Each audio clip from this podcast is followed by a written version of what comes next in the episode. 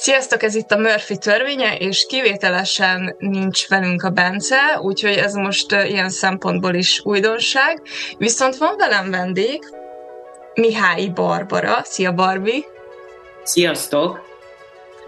Nem is tudom, hogy kéne téged bemutatni, mint kortárs képzőművész, vagy festő, vagy vizuális média artist, minek definiálnád magadat? Hát a festőnek semmiféleképpen, mert a, a festőszakon végzett kollégáim lefordulnak a székről, de én képzőművésznek szoktam magam hívni, de azért ugye ez így önmagában még elég keveset árul el én rólam, vagy arról, amit csinálok, de körülbelül ezt szoktam. Ez a leginkább talán átfogó titulus. Um, igazából én nem is tudom, nagyon régóta követlek téged a social médián. Ez olyan bután hangzik egyébként, de ez van. De a YouTube-on találtam rád. És uh, tökre szerettem a videóidat, és szerintem akkor csatlakoztam be, de nem tudom, majd erről mindjárt mesélsz egy kicsit, amikor uh, Olaszországba költöztél Erasmusszal. Uh-huh. Hogy uh, honnan jött ez a YouTube, YouTube-ozás és társai? Hú, hát igazából nem, nem is tudom. Um, ugye, hát én intermédia szakon végeztem a képzőművészeti egyetemen, ezért én sosem egy médiumban gondolkozom, és tehát már akkor videóban, vagy a mozgóképben már dolgoztam, és sok munkám volt benne, és hát mindez még mind nagyon izgalmas dolgok, és, és szeretem ezeket így kipróbálni, és ugye én addigra már, mire, mikor kiköltöztem, 2015 februárban költöztem ki ide Olaszországba, vagy hát akkor indult az Erasmus, és és akkor én azelőtt nagyon-nagyon sokat fotóztam. Uh-huh. És, és ilyen dokumentalista volt, beállított kép, meg portré is, de a nagy rész, amit nagyon-nagyon szerettem csinálni, az a dokumentalista fotózás, az utca, az emberek, és én magam is, és a barátaim, tehát, hogy nagyon szerteágazó volt, de, de abszolút ez a dokumentalista ö, témakör, és tehát, hogy egy ilyen, én is egy ilyen napló, fotónaplónak is hívtam. És uh-huh. szerintem valahogy innen jöhetett, vagy ment át így ebbe, hogy akkor mozgókép, és akkor ö, jelentek a magyar magyaroknak, a barátaimnak, hogy ez történik, és nem tudom, és hát, hogy dokumentálni magát ezt az egész eseményt, hogy akkor most ö, Erasmusra menni, ami egyébként volt, aki meglepődött, mert például az első rész az elég szomorúra sikeredett, oh. és, és volt, aki ezen így, hát majd, hogy nem fel volt háborodva, hogy hát mi van, hát az Erasmus az egy nagy élmény, és, és most ez, és ez most élvezzet, meg nem tudom mi. De azért, azért az nagyon nem egyszerű elhagyni a hazádat, ugye akkor még nem tudtam, hogy kvázi végérvényesen, de hogy uh-huh. a lelkem érezte, de hogy, de hogy akkor is az egy, az egy olyan lépés volt, ami, ami, tehát hogy hát a felnőtti válásnak egy ilyen, egy ilyen pontja, tudod, amikor tehát elköltözöm a orról először, és akkor utána pedig, tehát az, hogy, hogy elmész külföldre hosszabb időre, azért az nem egy ilyen tehát, hogy legalábbis egy érzékeny lelkületű embernek igen. Él, ez nem egy olyan egyszerű dolog, és, és ö, ö, igen, tehát, hogy úgy magadra maradsz, de hogy azért én ezt mindig nagyon szoktam mondani a diákoknak, hogy, hogy, hogy mindenféleképpen menjenek Erasmusra, mert közben, tehát hiába, hogy megy az ember egy másik országba, mm, mégis az van, hogy mégis az intézmény ott van ő mögötte, tehát Aha. biztos, nagyon biztos ságban lehet érezni magadat. De Tom, nem ez volt a kérdés.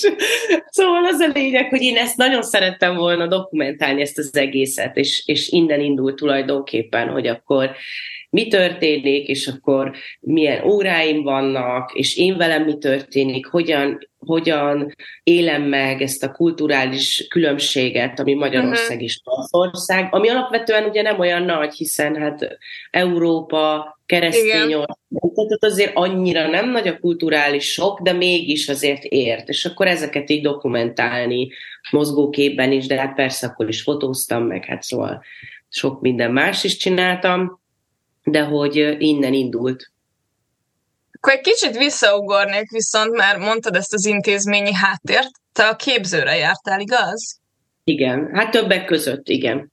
Aha, és, és hogy, hogy kerültél intermédiára? Miért pont, mert mondtad a fotózást, tehát nekor, akkor nekem így az jutná eszembe, hogy akkor mész a moméra is a fotóval foglalkozol. Miért, miért intermédia? Hát öm, igen, ez össze, össze, na. Szóval, hogy ez egy összetett kérdés. Um, húha, igen, ez akkor 2010 talán, igen. Valahol 2009 környékén éreztem azt, hogy akkor én nekem ez így, fú, nagyon vissza kell menni. igen, igen, szóval, hogy az alapok, az alapok az az, hogy én színész családból származom, mind a két szülőm színész.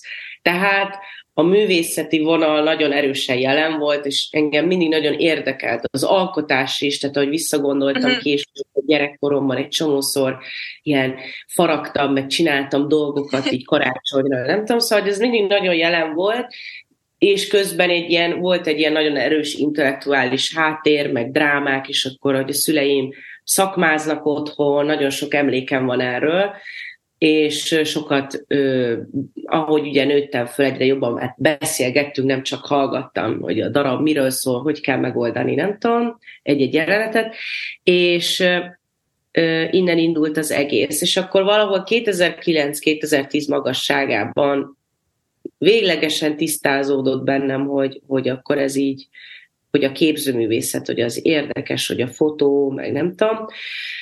Akkor én még a BKF-re jártam, kommunikációs szakra és marketing szakirányra, uh-huh. és... Az érdekes váltás viszont. Ö, igen, alapvetően azt gondolná az ember, hogy nagyon távoli, de közben meg azért a marketinggel hát azért igen. Nagyon, nagyon sok találkozás van, és egyébként a, a, ott is a BKF-en is inkább azt éreztem, megint utólag látom, hogy hogy igen, tehát hogy ez a vizualitás volt az, ami nagyon érdekelt mindig, meg tehát hogy a kommunikációnak ez a része, és uh-huh. ezek az órák kötöttek le igazán, um, és, és akkor én, hát most várjál csak, hogy akkor miért már jelentkeztem, már hú, most nem emlékszem, de az a lényeg, hogy én a Kreába eljutottam, uh-huh.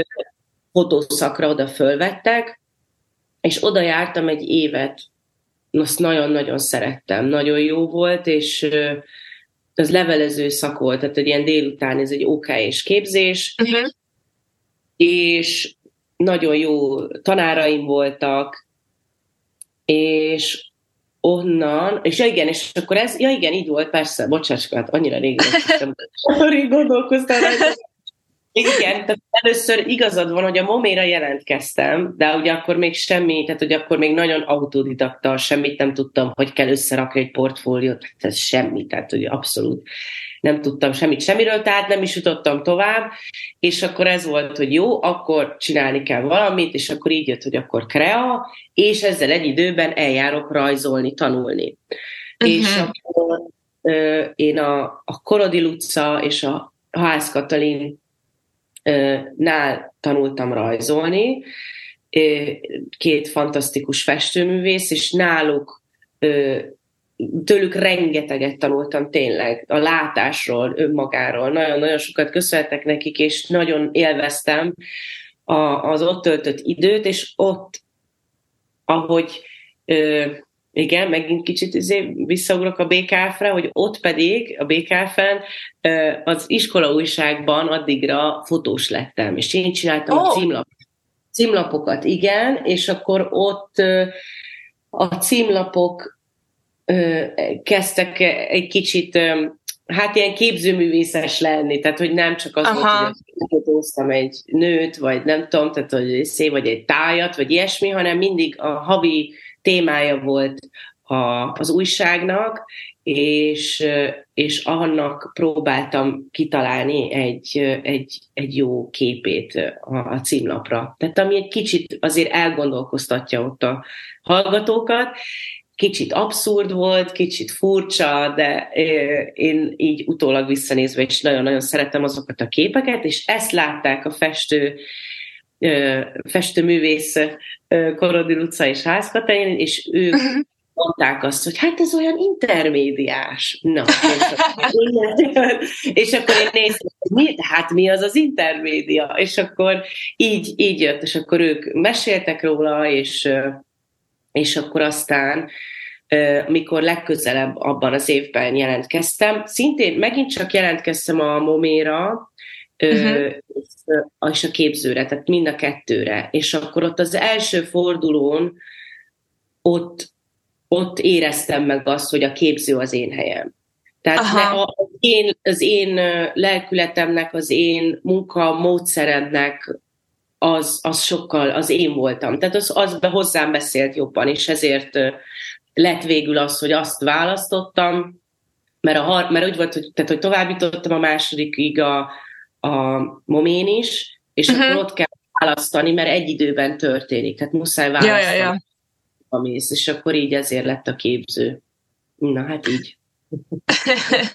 Beszélsz egy kicsit az intermédiáról. Um, csak azért is, mert én a Metura jártam média dizájnra, Hmm. És több mindig voltak ilyen összehasonlítások, de sose tudtam meg, hogy, hogy gyakorlatilag mi a különbség a kettő között, mert mind a kettő úgy volt így definiálva, hogy így a, nem tudom, kortárs művészeti irányzatoknak a játszótere, és hogy így minden, mindent csinálhatsz, ami új média gyakorlatilag.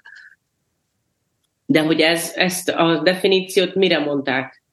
Hát így mind a kettőre, hogy egy kicsit így az intermédiára is, és a Metunak a média dizájnjára is, hogy, hogy így de hogy így tudod, hogy ilyen nagy különbséget nem éreztem így leírás között a két ág, ágban, de valahol, valahol meg látom, tudod a különbségeket, hogy szerinted te hogyan definiálnád az intermédiát? Neked mit Ó, jaj. kérdezel, nagyon nehezet kérdezel. Um, Hát tulajdonképpen ez egy látásmód, amit uh-huh. ott kapsz, szerintem. Egy nagyon erős látásmód, ahogy, ahogy látni lehet a világot, ahogy a, a médiumokat lát, lehet látni. Nagyon szerettem oda is járni. Hát egyrésztről a médiumokon való gondolkodás, hogy, hogy melyik hogy egy-egy médium feltalálása hogyan változtatta a, a hétköznapokat, az emberi létet. Tehát uh-huh. most akár most gondoljuk az okos telefonokra, hogy mennyi mindent változtattak meg. Tehát alapvetően ez az egyik fontos része az intermédiának, hogy ez ezen való gondolkodás, hogy ez mi történt, hogy változott, és és akkor erre például, tehát, hogy munkákra, munkákkal erre lehet reflektálni, hogy, hogy erről beszélsz. Uh-huh. Van egy ilyen része, tehát a, a tudomány nagyon fontos az intermédiának a, uh-huh. a világában, de közben meg nagyon szeb, szabad kezet adtak mindig is a, a tanárok, tehát nem feltétlenül kell magáról, a médiumról gondolkozni, és az abban, abban munkákat csinálni, hanem hát hanem, hanem tényleg bármivel foglalkozhattál, csak abban mélyülj el, járjál utána, tehát hogy abban látszódjon rajta, hogy, hogy, hogy azon te dolgoztál, gondolkoztál, legyen koncepciója, értelme, tehát ne csak az legyen, hogy hát csak úgy festegettem, vagy nem tudom. Tehát, hogy Aha. még az úgy egyszerűen elmegy persze, de hogy szóval, hogy valami gondolat men- mentén haladj. most ez én, ez én szerintem, én ezt érzékeltem, ezt mondom, uh-huh. nyilván a tanárok máshogyan definiálnák. Persze, vagy, már rá voltam kíváncsi.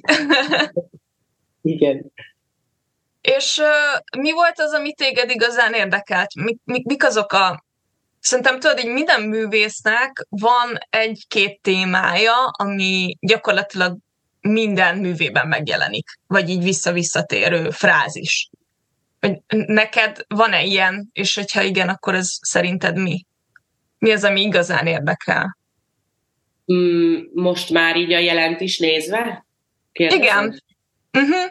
Uh, hát az, az önmagam létezése, a magamra való reflektálás, traumafeldolgozás, tehát hát önmagam, abszolút önmagamból táplálkozom a leginkább. Én azt látom, uh-huh. hogy az a vonal az, ami, mert mert ha bármi, tehát hogyha volt olyan munkám, ami nem erről szólt, és egyébként van is olyan, ami szerintem a mai napig is úgy gondolom, hogy jó munka, de mm, valahogy azt gondolom, hogy az a, a legőszintébb, legérdekesebb, amit önmagamról tudok elmondani, mert, mert hogy nincs másik Mihály Barbara, mert senki nem éli azt az életet, amit én, és amit én uh-huh. el mondani, az, az, az egyedi, amivel persze nyilván nagyon sokan tudnak kapcsolódni.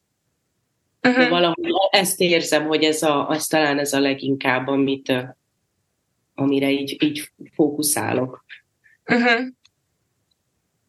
Kicsit visszaugrok akkor az olaszországi élményekre. Oké. Okay. Um, kikerültél Erasmusszal.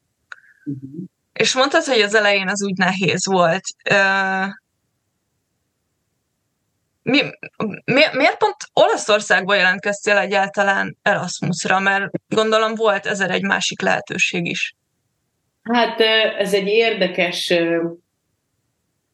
érdekes kérdés, és érdekes válasz, mert hát, hogy nem oda akartam menni, hogy ne, nem, én, én Maceratába mentem végül, és én, amikor jelentkeztem, én Lisszabonba szerettem volna menni Portugáliába. Oda jelentkeztem, uh-huh. feladtam a portfóliót, minden ezé, és akkor jött a levél, vissza válasz, nem tudom, három hónap múlva az egyetemnek, hogy hát már itt van két diák, vagy három diákunk, amennyi az ő szerződésükben volt, hogy mennyit fogadhatnak Magyarországról, ők már itt vannak, és hát nincs több hely. Aha. És akkor nagy pánik, hogy akkor most mit csináljunk, most mi van, mert addigra ugye már az összes jelentkezési határidő lezárult, és akkor így, így az volt, hogy na hát akkor mi az, ami még maradt. És akkor aztán volt Prága volt azt hiszem a másik, és akkor arra mondtam, hogy hát az nem, az túl közel van, és hasonló, mint Magyarország, és nem tudom, de akkor egy kicsit így eletem volt, és így menni akartam egy nagyon más világba. Aha. És akkor, hogy, és akkor van a másik, a macserata, és akkor a macserata, az hol van? Olaszország. Ó, szuper lesz, jól van, menjünk. Tehát, tehát így választottam jövőt. igen, ez érdekes. ez, ez nagyon érdekes, igen, úgy nézve, hogy aztán ugye itt maradtam egy, egy ilyen nagyon nem végig gondolt, nagyon spontán választással döntöttem el sorsomat. Ez egy igen, elég furcsa dolog. Szóval Macerátába mentem, az egy kisváros közép, közép-kelet Olaszország és utána pedig 17, 16-ban pedig, ugye 16, igen, 16-ban pedig Velencében voltam még ö, egy fél évet szintén Erasmusszal. Uh-huh. Oda pedig, oda pedig besétáltam, mert addigra már itt éltem, és akkor így besétáltam, hogy Hát, hogy ja igen, mert az volt, hogy, hogy, jel, hogy ott is ugye jelentkezni kell, és ke, oda kellett már olasz nyelvvizsga. Tehát Macseretám oda még nem kellett, és ide már kellett, és még nekem az nem volt. Viszont már tudtam annyira olaszul, hogy gondoltam, hogy baj nem lesz, úgyhogy bementem meggyőzni őket, hogy tudok olaszul. Nekem nem kell a nyelvvizsga. Igen, és mert tehát, hogy, tudod, úgy voltam vele, hogy most jó, hát most itt van, hát tök közel van Velence, most hát meg nagyon kicsi esély van, hogy erre azt mondják, hogy rendben, hát a bürokrácia itt nagyon erős. Uh-huh. De aztán végül is csak úgy voltam vele, hogy jó, hát azért ez mégsem Németország, csak azt mondják, hogy rendben, és hát így is volt, hál' Igen, vicces, vicces történet, hogy ilyenek vannak még. Válaszoltam a igen, abszolút. Engem az érdekelne, hogy beszéltünk egy kicsit a kulturális különbségekről, de hogy ezt így kibontanád-e, meg ami engem tökre érdekelne, hogy, hogy mi a, a magyar meg az olasz művészeti közegek közötti különbség? Vagy van-e? Um, húha, na jó, várjál, most két, két nehezet kérdezel. Um, Szóval kulturális különbség, ö, persze, hát hogy ne lennének. Ö, hát, Mi ami, volt a leginkább? Hát sokkolni, nem sokkol, csak meg kellett szokni. Aha. Ö, hát talán az, hogy hogy a, az, a, ugye, tehát hogy az étkezés körül nagyon forog minden, Aha. vagy minden az étkezés körül forog olyan szempontból, hogy idő. Ugye ezt nagyon azt gondolják az ember, van egy ilyen sztereotípia, hogy az olaszok ö, ö, és az idő is nem nézik, és ez tökre nem igaz. Hát legalábbis most itt Észak-Olaszországról beszélek, ugye délen én uh-huh. nem mhm. éltem, hát ez másik világ. És ez egyébként egy nagy kulturális különbség, bocsánat, side note, hogy, hogy ugye mivel óriási az ország, nem lehet ráhúzni tulajdonságokat így az egész népre. Tehát annyira más, mi a, más milyen egy észak és egy déli ember, de Aha. akár a mellettünk levő régióban is másmilyenek az emberek. Akár az, hogy én, ahol most vagyok, az egy kis település, és mellettem Padova, tehát ott, tehát, hogy nagyon nagyok tudnak lenni a különbségek, és ez Magyarországon is nyilván létezik, de valahogy mégsem annyira nagy, hiszen a mi országunk sokkal kisebb, és ugye ez ugye a nyelvben meg, nagyon meglátszódik, tehát hogyha egy, egy venetói nem fogja megérteni, tehát a venetói dialektust nem fogja megérteni egy szicíliai, és vice versa, tehát a szicíliai dialektust sem fogja megérteni egy venetói. Tehát, hogy ezek ilyen ezeket így megérteni, hogy, tehát, hogy egy országon belül különböző nyelvek vannak. Tehát, hogy ez ilyen nagyon furcsa volt. És, és akkor hát ehhez is persze hozzá kell szokni, mert meg kell érteni. Tehát, hogy, ez, tehát, hogy tulajdonképpen két nyelvet kell megtanulni. Uh-huh. Tehát, ez azért munka, igen. De hogy visszatérve az étkezésre, tehát hogy a napi rutin és, és az, hogy a nap hogy telik, az nagyon az étkezésre fókuszálódik, tehát olyan szempontból, tehát hogy, hogy ö, ilyen dél mondjuk fél egytől kettőig, tehát mindenki eszik, tehát mindenki ekkor ebédel, és nincsen az, háromkor eszel, mert nem tudom, meg négykor, amit mondjuk Aha. egy magyar abszolút meg tud csinálni, mert a magyar mondjuk reggelie az annyira nagy, hogy, hogy egyszerűen kitart fél napig. Aha, igen. Tehát, hogy, hogy egyszerűen más a ritmus, vagy egy nagyon font, pontos ritmus van, amit követni kell, és ugye ezt sok turista szokta is mondani, hogy hát, hogy igen, hogy nincsen nyitva, nem lehet hol ebédelni uh-huh. három-négy órakor, jó, nyilván a nagy turista városokban, Róma, Milánó, stb. tudsz enni akkor is, csak akkor nem a, a, a tradicionális olasz ételt találni. Tehát, ö, tehát hogy, hogy sok a szabály egyébként, én úgy, úgy érzem. És, ez tök érdekes egyébként, mert hogy azt hinni az ember így az olaszokról, hogy, hogy tudod, ez a teljes káosz, vagy Igen, legalábbis hát van. Káosz is van egyébként abszolút, és, és csak aztán egy idő után valahogy még a káoszon átlátsz, és Aha. vagy akár vezetés közben, ugye vezetésre is mondják, hogy az olaszok vezetése, hát az borzasztó. Nem igaz, egy nagyon, hát jól vezetnek az olaszok, de közben meg sajnos sokan, jó, de ez nyilván minden Magyarországon is így van, hogy nagyon szabálytalanul vezetnek sokszor, de uh-huh. hogy van egy ilyen ilyen fluiditása a, uh-huh. a, az egész, ahogyan, ahogyan a, a folyik a maga, tehát a körforgalom az valahogy máshogy működik, mint Magyarországon. Tehát, hogy, hogy úgy, mint egy ilyen cipzár, így mennek az emberek, tehát nem várja meg mindenki azt, hogy jó, még mindig ben, van a körforgalomba, azt meg kell várni, hanem van egy kis luk, akkor bemegy, mert így tud, így tud haladni a rengeteg autó.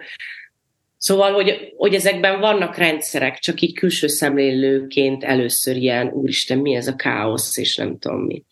De mondjuk, ha valamit intézni akarsz, ami bürokratikus, akkor az tényleg káosz, az iszonyatosan kemény, és azon átrágni magad, és én fél éve átrágtam magam a, a hogy hívják, Csitadinanca, úristen, uh, Állampolgárság, igen, tehát az uh-huh. állampolgársági bürokratikus négyezer millió papíron, és nem tudom, és ide kell menni, oda, ezé át kell menni Milánóba, nem tudom, a magyar követség, tehát hogy ilyen brutális mennyiségű ö, cuccot kértek, és nagyon durva. Tehát, hogy tulajdonképpen ez volt a vizsga, én azt érzem. Tehát, hogyha te biztos, hogy lenni, ha ezen átvéd, akkor rendben vagy. Akkor De már hát, lesz majd. igen, tehát, tehát igen, tehát hogy sok, sok a káosz azért abszolút, de hát igen. De közben mondom, hogy azért ezt, tehát ezt meg lehet tanulni, és így hozzá lehet szokni legalábbis aki, akinek sikerül, az marad, és akkor van, aki meg nem bírja, és akkor hazamegy. Tehát nekem volt is olyan barátnőm, aki megőrült attól, hogy állandóan a kaja arról van, arról beszélgetnek, tehát evés közben uh-huh. is, és nem tudom, és, és most mi van, most ez, most ez, tehát én nem érzi, nem érzi a különbséget, hogy al dente, vagy, vagy túl van főzve a, a tészta, mert nem tudom, tehát ezek nem érdekelték, és akkor végül el is ment. Tehát, hogy persze nem ez a, hogy mondjam, nem, nem ez az, nem csak erről beszélnek nyilván az olaszok, de hogy hát az étkezés az nagyon egy fontos téma, és nagyon érdekes szerintem, és nyilván van, aki azt mondja, hogy na jó, ez uncsi, és akkor hazamegy. Jó, és ugye volt még egy nehéz kérdésem, az olasz és a magyar művészeti közegek közötti különbség, hogy erre reflektálnál le egy kicsit? Hát igen, ne, nem könnyű kérdés, hogy hogyan kéne, lehetne összehasonlítani. Tudod, igazából azért érdekel ez a kérdés, mert szerintem sokaknak, akik mondjuk nem művészettel foglalkoznak, az, hogy valaki ma kortás művészként üzemel, tehát hogy ez a foglalkozása, az ilyen megfoghatatlan, tudod uh-huh. hogy, hogy igazából milyen intézményi háttere van, meg hogyan lehet egyáltalán érvényesülni, mi a francot csinál egy művész, Szóval, hogy persze látod a képeket, meg kiállítások, meg ilyenek, de hogy, hogy tudod, hogy, hogy ez egy kicsit messze áll a, a hétköznapi emberek világától. Persze, igen, ezt értem. Hát nem érzem azt, hogy én itt annyira benne lennék, mint itt Olaszországban, uh-huh. a művészeti közegben. Persze most már a magyaréban se vagyok annyira.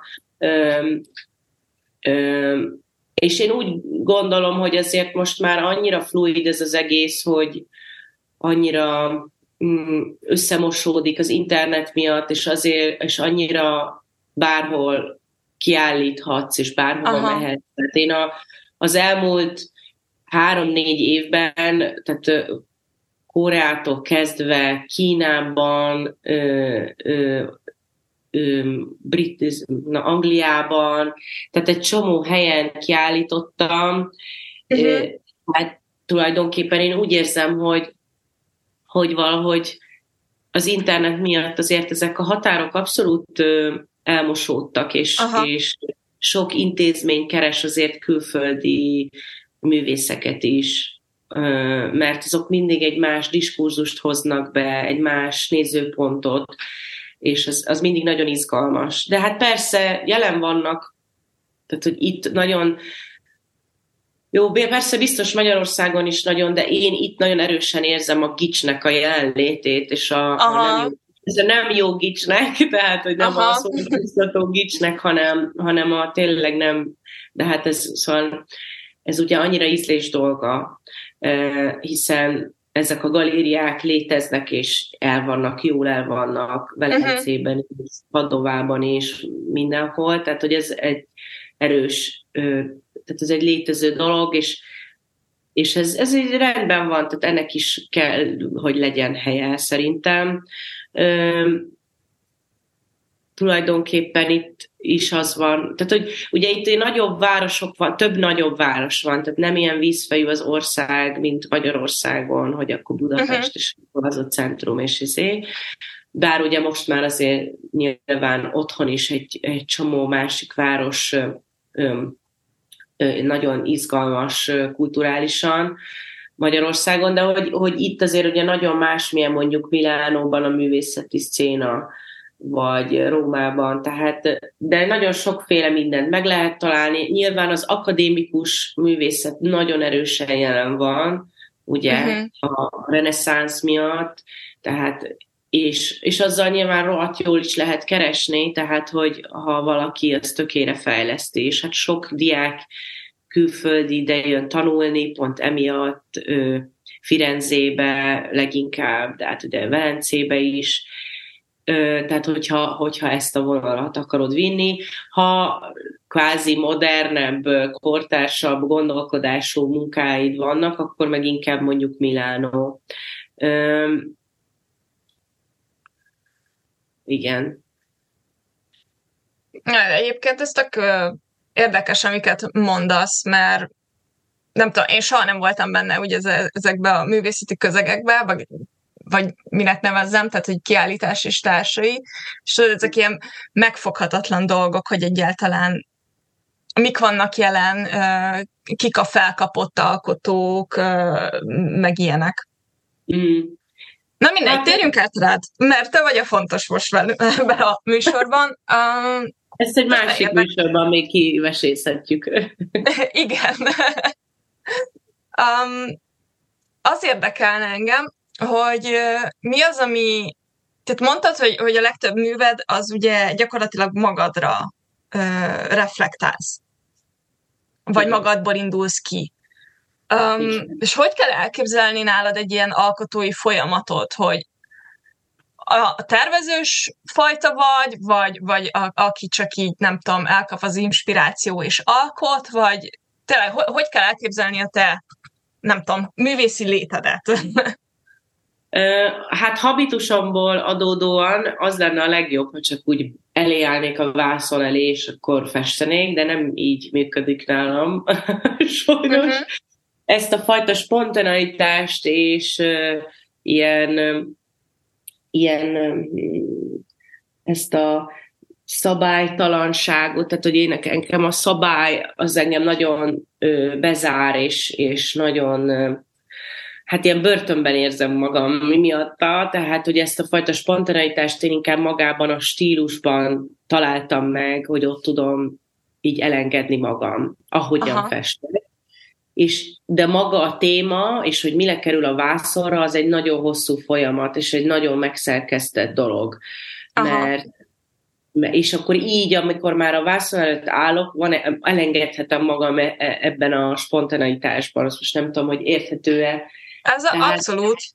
Igen, tehát ugye én, én nem sokkal azután kezdtem el úgy igazán festeni, hogy kiköltöztem már akkor véglegesen. Először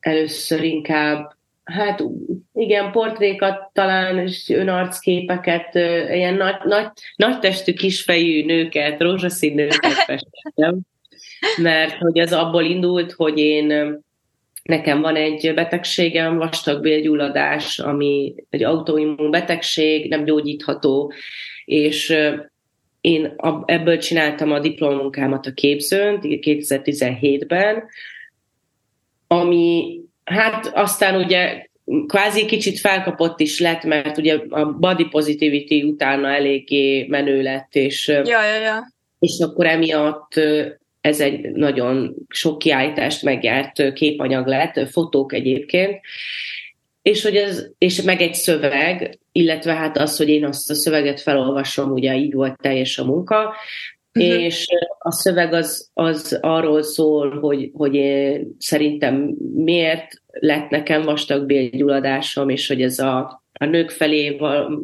van egy nagyon, egy rengeteg elvárás, hogy hogy nézzenek ki, hogy viselkedjenek, stb. Tehát, hogy egy, egy hosszú, hosszú anyag volt, és, és valahogy ebből indult ez az egész ö, ö, próbáltam a művészettel gyógyítani önmagamat, ö, rengeteg egészséges vastag belet rajzoltam. Igen, én azokat láttam amúgy.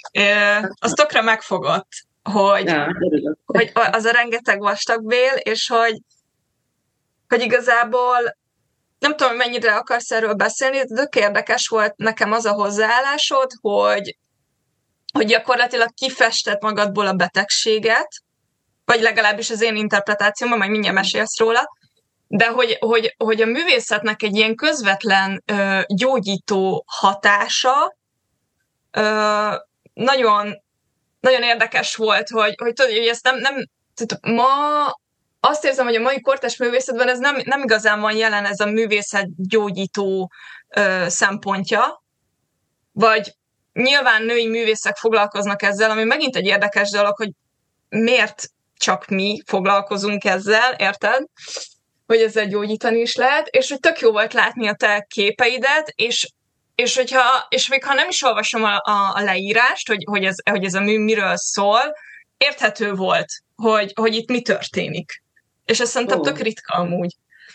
Hát ez tök jó. Uh, igen, szokták mondani, hogy, hogy nagyon, hát most ez igen, egyszerűen fogalmazok, tehát hogy egy ilyen könnyen érthető tulajdonképpen az, amit csinálok, és Mm. De ez jó szerintem, szóval én nem kell. Igen, tehát hogy én úgy érzem, hogy igen, hogy ez, hogy ez egy jó dolog, bár én úgy érzem, hogy azért sok igyekszem rejtélyeket is benne hagyni, de Aha. hogy alapvetően én szeretem, hogy egy ilyen egyenes dolog az egész. A művészetterápia az egy, az egy létező dolog, és egy nagyon fontos ö, dolog, tehát hogy ez konkrétan igen foglalkoznak, vannak erre specifikusan ezzel foglalkozó szakemberek. Nagyon hasznos dolognak tartom. Én nem a konkrét művészetterápia eszközeivel talán, ez, ez, ez egy ilyen saját ötlet volt Aha. tulajdonképpen, hogy akkor én vizualizálom a, az egészséges vastag belemet, és ezzel gyógyítom magam, és ez volt, Aha. hogy akkor minden nap festettem, a, lefestettem a, az egészséges vastag belemet, és akkor az rózsaszín, és, és világít, és csillog, és nem tudom, és akkor ebből, tehát rengeteg ö, példány készült, ez is benne volt a diplomunkában, és akkor ez ment át abba, hogy ezeket a nagy testű rózsaszín nőket rajzoltam. Aha. Egy ilyen, hát talán volt benne egy ilyen, igen, önelfogadás, és, és nem tudom, tehát hogy egy nagyon, nem is tudom, hogy mennyi ideig festettem ezeket az alakokat, most meg nem mondom pontosan, mert az utána kellett volna néznem, de, de hogy ebből lett aztán az, hogy akkor ö, terhes lettem, uh-huh. és akkor elkezdtem foglalkozni a, ezzel az élménnyel, majd aztán anya, ö, ugye megszületett a kisfiam, és akkor hát annak a traumájával foglalkozom jelenleg. annak a traumának a feldolgozásával. Na jó, hogy erre kanyarodtunk, mert egyébként a következő kérdésem az pont uh, így az anyasággal kapcsolatban lenne. Találtam egy Marina Abramovics idézetet, még az Observernek volt egy cikkje 2000, nem tudom, 17-ben talán vele, és ez van a cikk végén, hogy There are good artists that have children, of course there are, she said. They are called men. Szóval, aki nem tudna angolul, gyorsan lefordítom, hogy persze vannak ö, jó művészek ö, gyerekkel, de ők a férfiak. Um, te erről mit gondolsz? Hát ezt azért hallottam már ö, tanáromtól. Aha.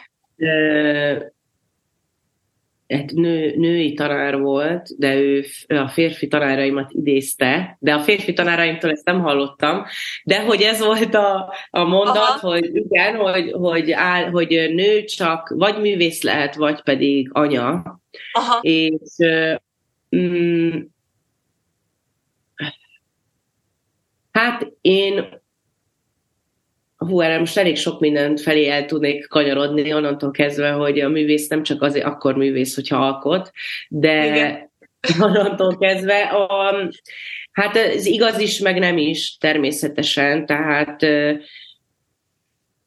az anyák alapvetően, és most nem művész anyákra gondolok, hanem úgy az anyák alapvetően nagyon magukra vannak hagyva. Ez egy óriási probléma uh-huh. ma, és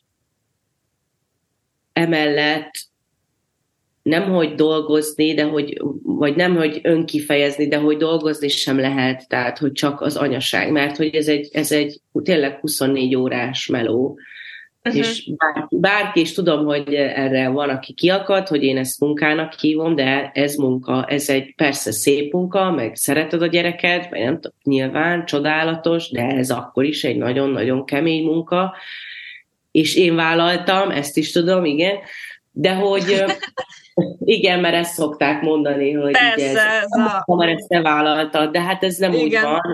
Ráadásul nem tudja az ember előre, hogy ez mi, tehát, hogy ezt a, ha valakinek nincs gyereke, nem tudja, hogy ez milyen meló. Tehát ezt mondhatja Meg valahol, bárki.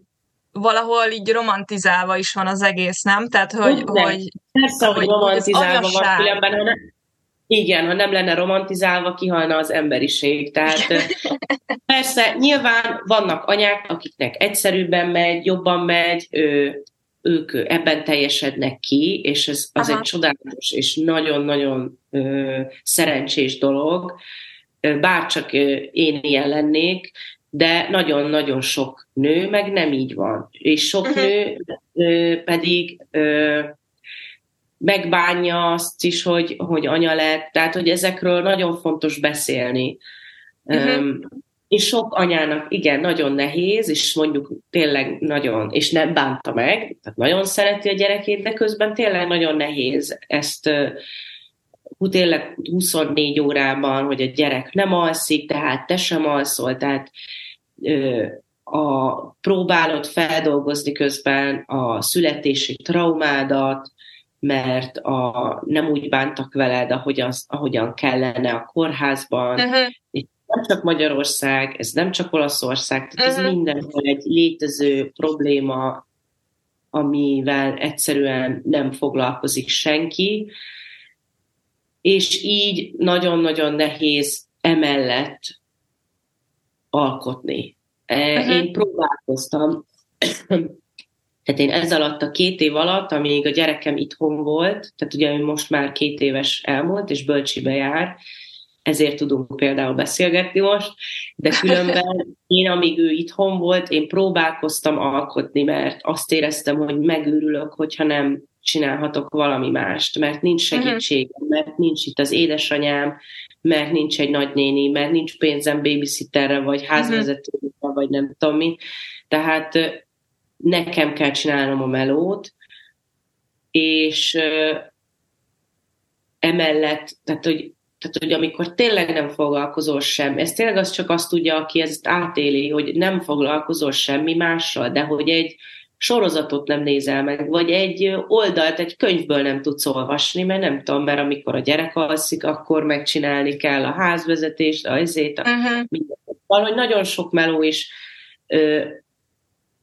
én tényleg, szóval hogy igyekeztem ezek tehát dolgozni mégis, akkor is, tehát hogy mikor még kisbaba volt, és akkor nagyon sokat aludt, és akkor fölébredtem hajnalban, és akkor a napfelkeltében festettem. Tehát volt ilyen, aztán ahogy elkezdett nőni már, akkor erre nem volt lehetőség, de mégis azért próbáltam, hogy mégis hogy behozni őt a, a műterembe, és akkor közbe festeni, de hogy ő állandóan igényelte a szórakoztatásomat. Aha. Tehát nem csak az a fajta gyerek volt, aki jó van, most itt el van, és akkor addig nem tudom, nézi a csillagokat, amik fölötte mozognak, tehát ő nem volt ez el.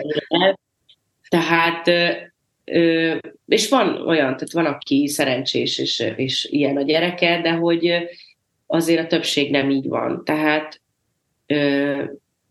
van, aki tud dolgozni, de akkor az megszakad, tényleg. Tehát van olyan barátnőm, aki hihetetlen két gyerek mellett nyomja a melót, egy uh-huh. igazi kócs tényleg, de közben fut is, meg nem tudom, de, nem, de három órát alszik éjszaka. Aha. Tehát én három, három órával én biztos, hogy közveszélyes lennék. Ja, ja, ja. Tehát, hogy, tehát, hogy az annyira ez nagyon kevés. Hosszú, távon, tehát tényleg olyan, olyan ö, anyagokat kezd el a testet termelni, meg nem, tehát hogy egyszerűen így, így tényleg önmagadra és a környezetedre veszélyes leszel. Én biztosan, mert én nem, egyszer sajnos nem működök kevés, tehát hogyha ilyen hat órának alvás, az, az, tehát akkor tuti, hogy koccanok, vagy neki megyek, leverem, nem tudom, tehát hogy ez nagyon-nagyon kemény.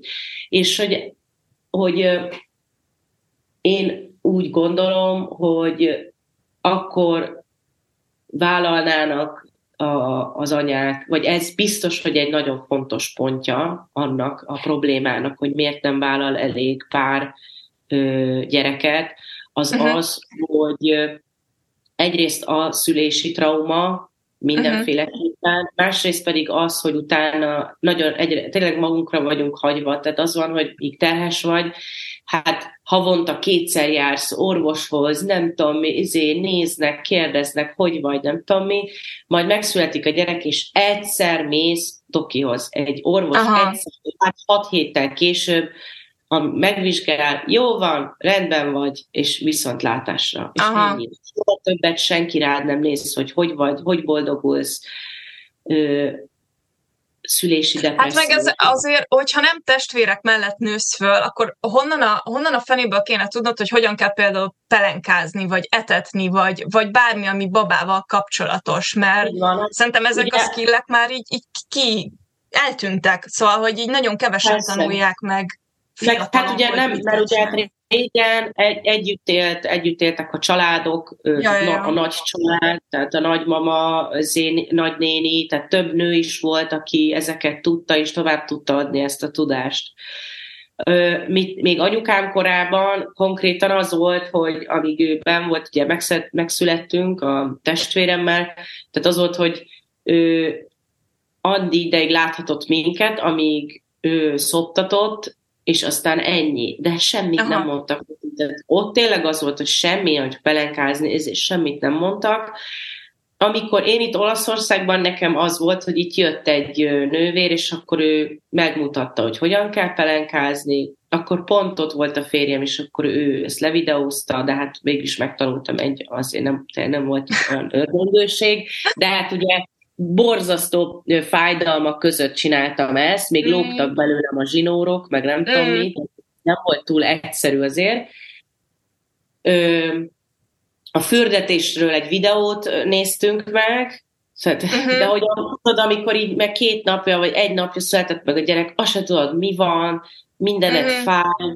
Tehát, hogy ez egy isztat, hogy első anyaként tehát, hogy, hogy ez egy nagyon-nagyon kemény időszak, és tehát azt se tudod, hogy mi van, hogy hogyan kell fürdetni. Hát meg, meg fizikailag átmentél egy, gyakorlatilag egy háborún, tehát hogy széjjel szakadt a tested. Igen, tehát az egy brutális ö, ö, ö, élmény, ö, a, a, amellett, hogy közben nyilván csodálatos és, és, és nincs hozzáfogható, ö, mégis egy rengeteg ö, erőszak ér. Uh-huh. A legtöbb nőt, nyilván van kivétel, de a legtöbb nőt, tehát bármit, kör, bárkit körbe kérdezzel, mindenki fogja mondani, hogy igen, ez nem volt jó, az borzasztó volt, nem tudom, uh-huh. mit összevartak, mezé, nem tudom, úgy, hogy, tehát, hogy nagyon-nagyon sok, és most hál' Istennek egyre több nő beszél erről, és erről, tehát hogy ez egy, most látom, hogy erről van egy diskurzus, és ez fantasztikus, tényleg. Uh-huh. De nagyon fontos lenne az, hogy például egy fél évig szülés után ingyenes terápia, az annyira fontos lenne, legalább uh-huh. egy hogy ezekről lehessen beszélni. Én akkor lettem jobban, amikor már mm, mennyi volt az Alberto? Másfél éves volt az Alberto.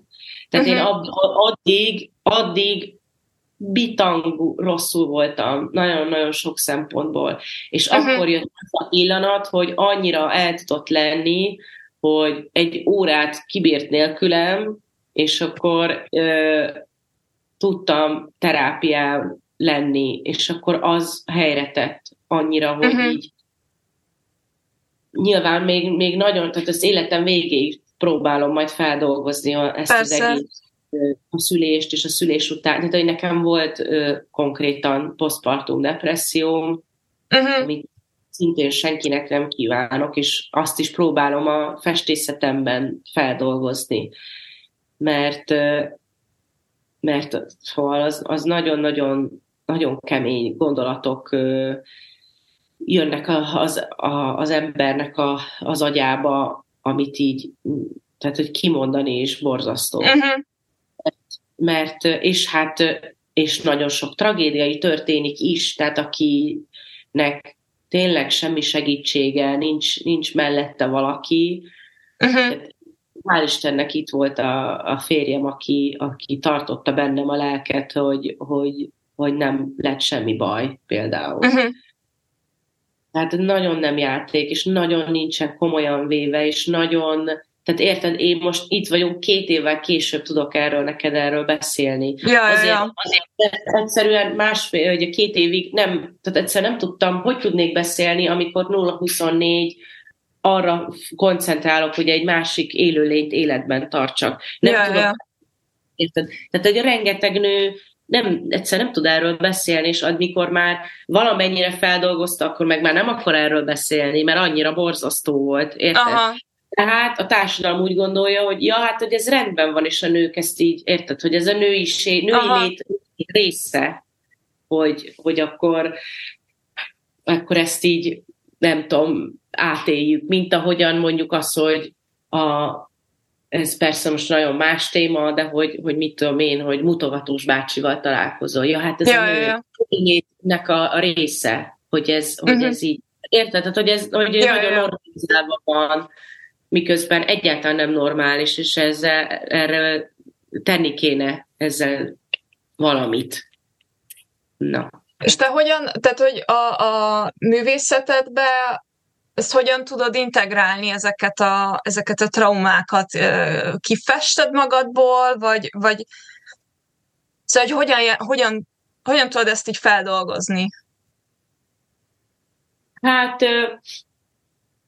így megtervezem a képeket, tehát, hogy tehát maga például a szülés élményem, az ugye én, én 45 órán keresztül vajuttam, Jézus. két éjszaka volt, és egy elképesztő, intenzív és ilyen átváltozás volt tulajdonképpen az egész élmény borzasztó fájdalmas és, és uh-huh. kínszenvedés volt, és ezt, hát most hány kép készült csak erről várjál? Azt hiszem, hogy háromnál tartok, talán három kép Aha. van, vagy négy. Tehát, hogy ez a téma, és akkor ez a, ez a két éjszaka, ez a kvázi három nap, két, két nap, ez, ö, ez így, így képekben, és akkor egy-egy ilyen pont, vagy egy ilyen, úgy, amit én úgy érzek, hogy az egy ilyen igen, egy ilyen erős pontja volt ennek az egész élménynek, azt így kifejtem. Tehát maga mondjuk volt egy ilyen nagyon um, földön túli pontja a szülésemnek, ahol azt éreztem így a, a fájdalomtól, hogy így valahogy a mozgásomat, ahogyan próbáltam átlendülni egy ilyen fájdalmon, ahogy jött, hogy így a, a, a fejem az egy, az egy ilyen farkas volt, a testem pedig egy kígyó. Mm. Ez, ez mm. egy ilyen, nem, hogy ezt így úgy képzeld, hogy egy este van, éjjel kettő, és, és egyedül voltam a teremben, hál' Istennek, akkor még nem jött senki, és akkor nem, tehát hogy egy ilyen, ott a sötétben e, ezt a vajudást, és akkor ez egy, egy kép, vagy maga a, a tolási, amikor élményem, ott is ott egy borzasztó szülésznőt sikerült kifognom, az mm. is egy, egy, ilyen, egy ilyen nagyon, nagyon traumatikus élmény volt. Visszatartották velem a, a, a toló fájást. Oh. Tehát egy ilyen, nem is tudom, két-három percig, nem tudom mennyi ideig volt. Tehát, hogy ezek, ezek, és akkor ezt így egy képbe próbálom valahogyan átadni. Nem pont azt nyilván, nem a néző Persze. nem pont azt fogja, ö, amit én ö, éreztem, de, de hát ugye nem így kell festeni, hogy, hogy, hogy, hogy majd egy külső szemlélő mit lát, hanem én azt, amit én így érzek, azt így belerakom, és akkor aztán lesz belőle egy kép.